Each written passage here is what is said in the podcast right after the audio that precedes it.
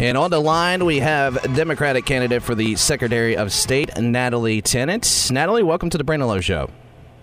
Thank you. It's good to be with you. Good to talk. Yeah, uh, you know, and uh, you know, Mitch Fingal reached out and told me you're, you know, you're a Mountaineer fan. Plus, you were a you were a Mountaineer mascot, and uh, um, and that's it's it's really revolutionary. If people don't know, let's start by talking about that. You became the first woman Mountaineer. What made you want to want to try out to be the Mountaineer? Yeah, it's been 30 years, if you can believe it. People are gonna be like, "I remember that." Oh, I can't believe it's been 30 years to the to the year 1990. well, I look to be the Mountaineer uh, because when I was in high school, I was super dog.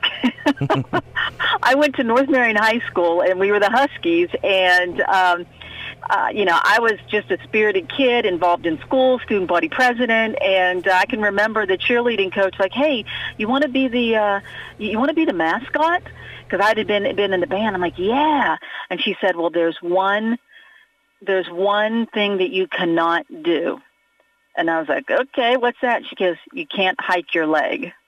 so do you have that image in your head? And I'm like, okay, I can do that. and so my mom made the outfit. Like I was all in fun fur, and I had a big SD on my chest, and we had a cape. Like we came up with it. Like there was just, you know, it, it was just the husky, but um, uh, we came up with the concept of super dog, and then. Um, I would just do all kind of little antics. You know, this was back in the 80s. Remember when there were um, I don't even know how old you are, Brandon, so you may not remember. We had these, they were called jammers, those jammer shorts. Mhm. They were like big beach shorts. Yeah. So Superdog wore those. Superdog had Valentine's on his or her. I don't even know. I wasn't anything. I was Superdog on, on uh, shorts during Valentine's season. And so, um, you know, just being a mascot then, I was funny, and my face was covered in fun fur. So you go to WVU, and I can remember for orientation, my mom and I saying, she's like, oh, you know, if they had a funny sidekick, you could do that.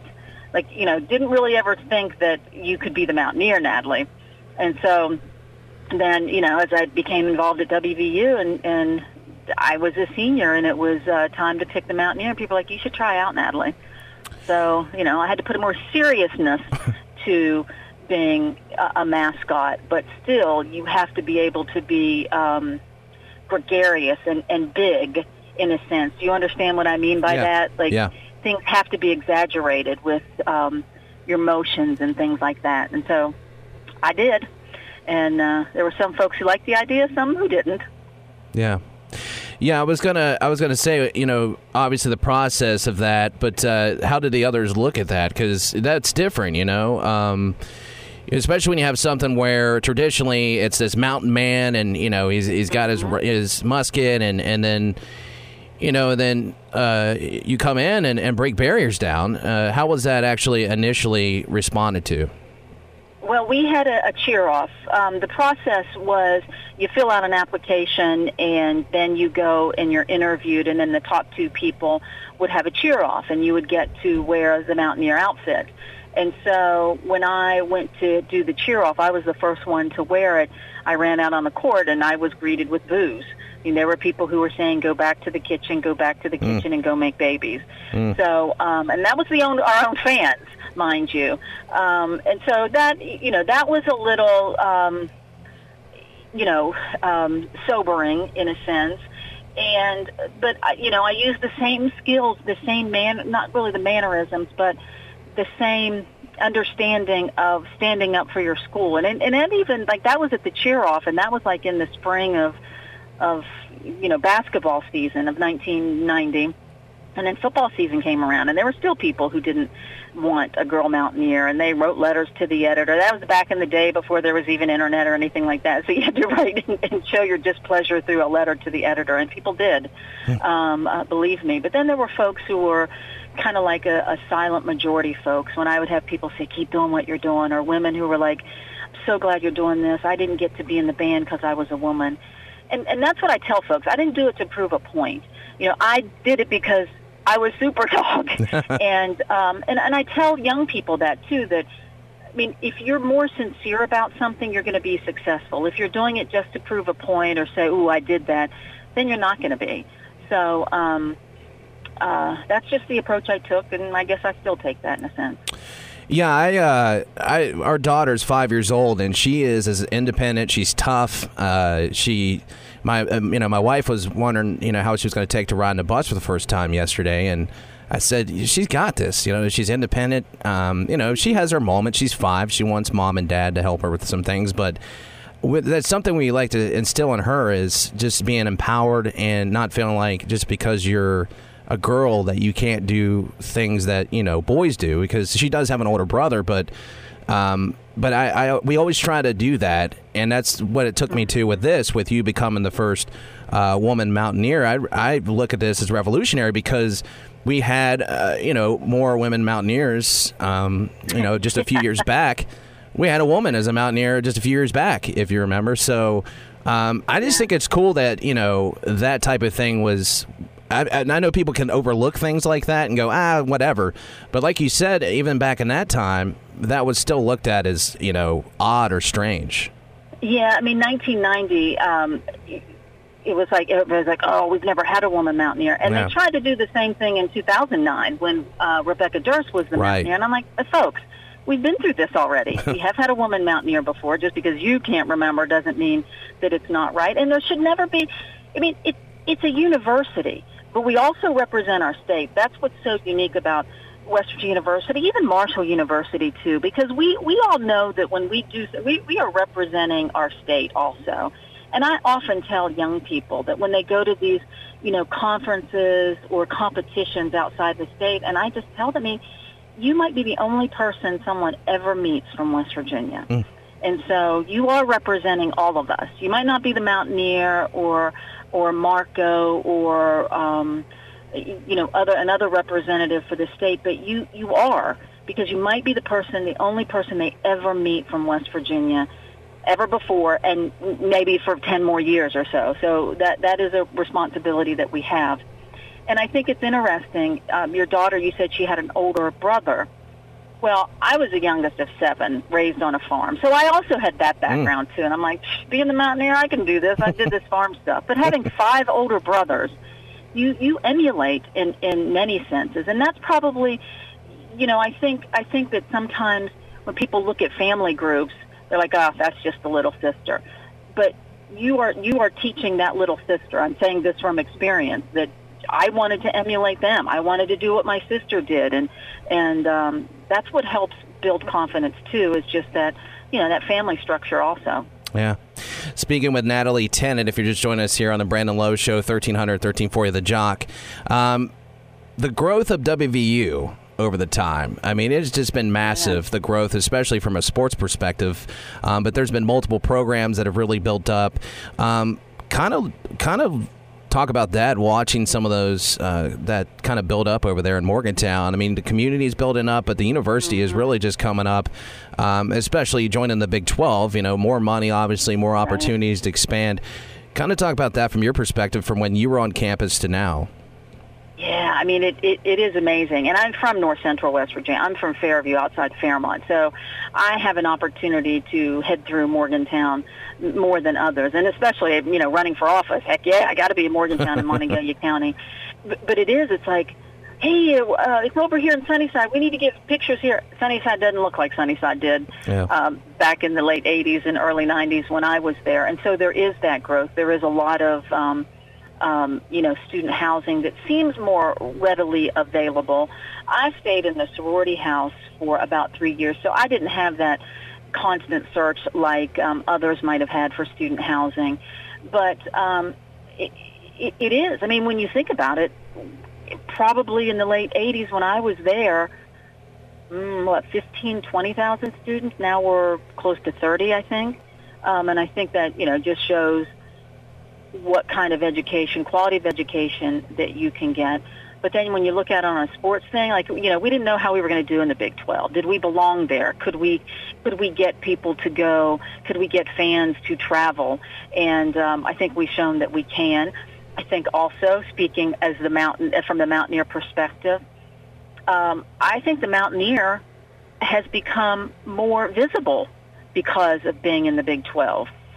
Um, if you look at, um, I think how long we've been there since 2012? Is that right? Yeah. Yep. Since 2012. Um, I think Jonathan Kimball was the mountaineer then, and you look at him. Um, uh, I, I, that's an image that I see. I want to make sure I have that right. A lot of the, you know, all of those men mountaineers, they all look alike. so maybe that that was part of the problem. When, when people didn't like Natalie being the mountaineer? Can't get through that beard. yeah, the beard. The beard does it. You can't get through the beard. Yeah, but you know what though? I mean, the early mountaineers did not have a beard. Oh, it, yeah. they, people thought it was like kept, looked unkept. The mountaineer statue doesn't have a beard, Right. so you know I, I always dismiss all of that. Slim Slim Arnold, the first true official mountaineer back in like 1937, 38, he didn't have a beard either, and uh, I was so fortunate to meet him. Um, somebody they had just called me, and, and they were like. I didn't know him, but you know, you get phone calls from it was Steve Douglas from the Alumni Association who said, "Natalie, Slim Arnold is the first mountaineer, and he's over at Ruby Hospital. Would you like to go see him and meet him?" And and I did. I went to see him, and then you know, I feel like I, when I say this, it seems like it's so old, but we didn't have cell phones then. I don't think I have a picture with him.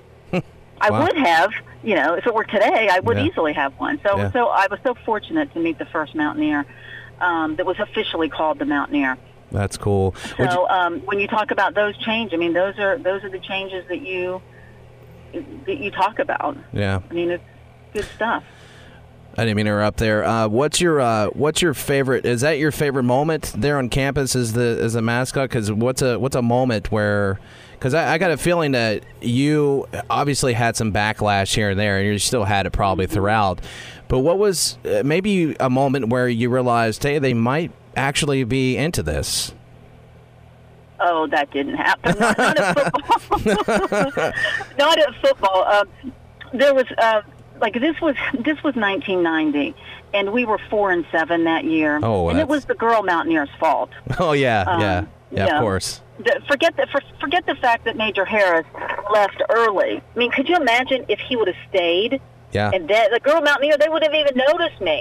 they wouldn't even know who I was because Major Harris would have just been, you know, burning up the charts. So, I mean, that was that was we were four and seven. yeah. Um, and I can remember, I thought, you know, d- d- toward the end of the season, I was like, man, we we got to got to be over me. Like, you know, I've had people, I've had people, you know, give me the finger, give me, you know, say Wow. things at me, point in my face, tell me to go home. And so this was like near the end of the season. We were playing Penn State, so this was 1990, and they were smearing us at Mhm. home. And I can remember walking walking around on the bottom, and some guy leans over the big, you know, like the barricade thing from the stands, and he points at me. He goes, "There's only one good thing about this game," and I was like, "I know it's coming. I know it's coming." And he said, "We only have one more game with you." Oh. And I was like, "Yeah, you're right." I said, "But then no." But then I, I think I came back with, "Uh-uh, we have basketball season." and the thing is, it was a little bit when you say, you know, when did people start coming around? I think it was basketball season because, you know, it was indoors. You're more intimate. It's not as easy to throw something at the Mountaineer and then, you know, not. Um, you know, not be accountable for it. Plus, they figured, daggone, we didn't get rid of her in the football season, so we're, we're stuck with her in basketball. We were a little bit better too. I think we played. We might have played in the NIT that year, um, and I can remember being in Providence and playing at the NIT. So we were we were a better basketball team that year too. That always helps. When you're winning, you focus on the game. When you're not winning, you focus on everything else. We're just human beings, and we're Yeah. regular sports fans like anybody else. yeah. Um, Next. so, I mean, there's just all kind of different stories like that. Like I, you know, I get that, and I, you know, that could be a great moment. There's a one one moment where this they they even had bumper stickers and and buttons that said, "We don't want a mountain deer. Give us back our mountaineer." And I was like, man, that is so clever. I want one of those. This woman wouldn't give it to me. But you know, I don't. I don't want to bring up. There, there are great things about, obviously, great things about being the mountaineer. Um, whether we're a four and seven season, or it, it's just, you know, this this ability to to represent your school and your state and have little boys and little girls just come up to you that you know you're you're the mountaineer you're who we are um you know i'm trying to think of um a good, you know, we just didn't have a winning season. I, we played we played um, South Carolina on Thanksgiving Day, Mm. so that had been 1990. And s- learning from some of my antics as Superdog, I remember bringing a rubber chicken with me. I'm like, this is going to be great. I'm going to swing this thing around. And so what I would do is, um, I would throw it up in the air and, and act like I was shooting it, you know, because they were the Gamecocks. Yeah. And it was Thanksgiving, so I'm like, man, this is so appropriate. Somebody leans down to me, uh, um, a South Carolina fan leans down to me and points to me and says, "You're worse than Clemson." And I was like, "Yes." I was like, "Man," I'm, and I think, "Oh well, we lost that game too." So, uh, but it's like, "Oh, that's a compliment." For a South Carolina person to say I'm worse than Clemson, Yeah. I must have been getting to him. I'm like, "You guys are winning. Let me have my rubber chicken." Worse than their rival, yeah. Uh, next Mm-hmm. next time I talk to Major Harris, I'll have to let him know that uh, if he was only there in Morgantown for one more year, you might have not have got yelled at as much. Exactly. He could have he could have been my defender, and he would have been. And I even see him, you know, from time to time. Sometimes, you know, I don't know if he remembers me or not. Um, you know, just some of the like the first game of the season. We didn't know how. Um, how the football team might take me. You know, Don Nehlen was good to me. He didn't, um, you know, he didn't say anything mean about me. But the first game of the season, you know, when they say bring on the Mountaineers, like I, I, I didn't know. One, could I outrun them? Two, were they going to try to run me over and prove something? I shot that gun off and I sprinted down that field and and I was like I, I asked friends after the game, I'm like, How was that? They're like, Natalie, you went so fast it looked like you were running away from them and I was like, I was So then the next game I you know, because the the biggest fear for a mountaineer is when they say, "Let's bring it," and, and I can, I feel as though I can speak for every mountaineer. The biggest fear is when they say, "Let's bring on the mountaineers," and the gun misfires. Yeah. Because you want you want to hear, "Let's bring on the mountaineers," and then you want to hear a big boom. Yep. Yeah. And thankfully, it worked for me. I mean, I had some misfires other places, but not coming onto the field where sixty thousand people would be like, "Ah, the girl down there." well, that's your moment, right? It's the it's the you know you you shoot. It's the musket. right. One yeah. job. yeah. You got one job right? Um, let's leave it on this um, give me sort of uh, your prediction on the year uh, it'd be fun to hear what you think is going to happen with uh, with the football program which Neal Brown's in his second year obviously good that he's not in his first year but battling uh, as Yeah. most uh, these programs in the country battling with COVID and trying to figure out how to navigate through that um, Mm-hmm. they have these strange two week byes that they're going into even this week um, it's but give me give me what you think about Neal Brown and, and what do you think they're going to do this year? Um, I am.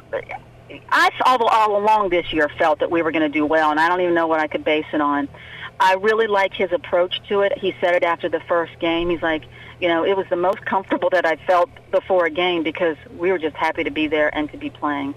And um, I did not catch anything of the Baylor game. I was out, you know, about campaigning. But the game before that, what was that? Oklahoma State Yeah, you know, I just felt we just made mistakes that we could, didn't shouldn't be making. It should have been a whole lot closer. And I think, you know, in some cases we should have been in the lead. You know, how would it end up? I don't know. But I think, I think we're a strong team, and I think that given all of this, it's almost like, and, and it's, it's the same. I feel the same for NBA, for NFL, for college. It's like, are we really doing all this? Are we really going to have champions, even though not everybody's getting to play?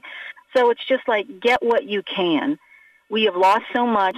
I have a, I had a senior in high school. She's a freshman in college now. She lost so much her senior year. The seniors this year are losing so much. So it's like, get anything you can. If you only get to play one game, make that the best that you can. And I, I feel like Coach Brown has that same attitude too. Like we're just we're going to take what we can get and and capitalize on it. yeah. She's a Democratic candidate for the uh, Secretary of State, and uh, she was the first woman mountaineer. And uh, I didn't know that, but it's been 30 years since that Yeah. uh, the 30th anniversary. Natalie, appreciate uh, your time on the show, and, and good luck the rest of the way with your campaign. Oh, I appreciate it. Thanks for having me on. I, I want to come back on and talk more football or Sure, Mountaineer. I can tell all kind of stories. sure, anytime, come back. Okay, thanks, Brandon. All right, thanks.